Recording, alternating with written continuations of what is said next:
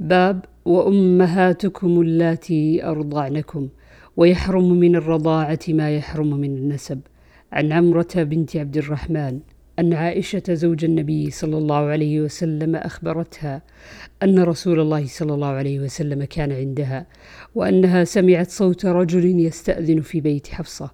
قالت فقلت يا رسول الله هذا رجل يستأذن في بيتك. فقال النبي صلى الله عليه وسلم أراه فلانا لعمي حفصة من الرضاعة. قالت عائشة لو كان فلان حيا لعمها من الرضاعة دخل علي؟ فقال نعم الرضاعة تحرم ما تحرم الولادة. عن ابن عباس قال قيل للنبي صلى الله عليه وسلم ألا تتزوج ابنة حمزة؟ قال إنها ابنة أخي من الرضاعة.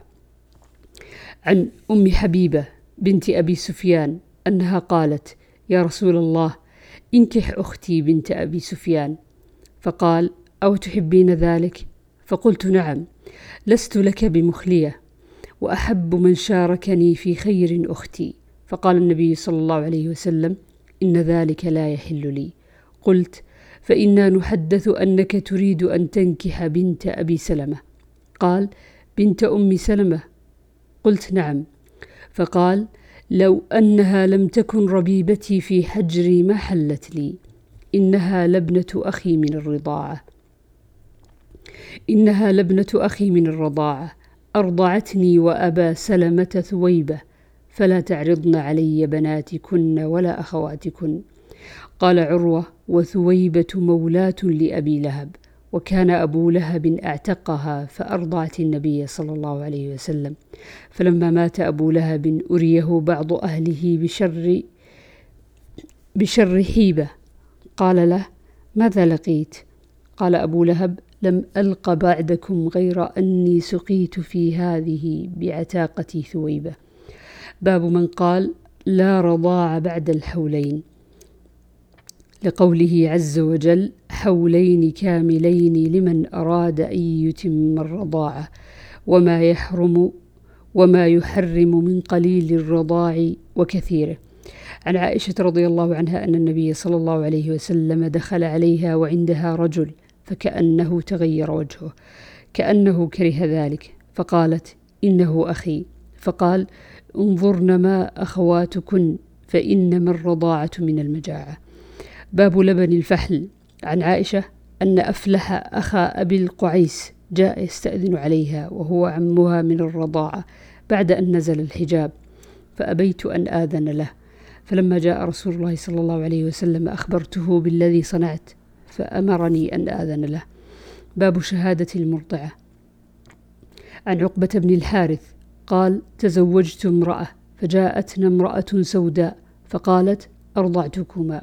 فأتيت النبي صلى الله عليه وسلم فقلت تزوجت فلانة بنت فلان فجاءتنا امرأة سوداء فجاءتنا امرأة سوداء فقالت لي إني قد أرضعتكما وهي كاذبة فأعرض عني فأتيته من قبل وجهه قلت إنها كاذبة قال كيف بها وقد زعمت أنها أرضعتكما؟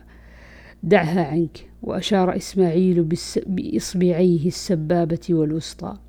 باب ما يحل من النساء وما يحرم. وقوله تعالى حرمت عليكم أمهاتكم وبناتكم إلى عليما حكيما الآية وقال أنس والمحصنات من النساء ذوات الأزواج الحرائر حرام إلا ما ملكت أيمانكم. لا يرى بأسا أن ينزع الرجل جاريته من عبده. وقال ولا تنكحوا المشركات حتى يؤمن.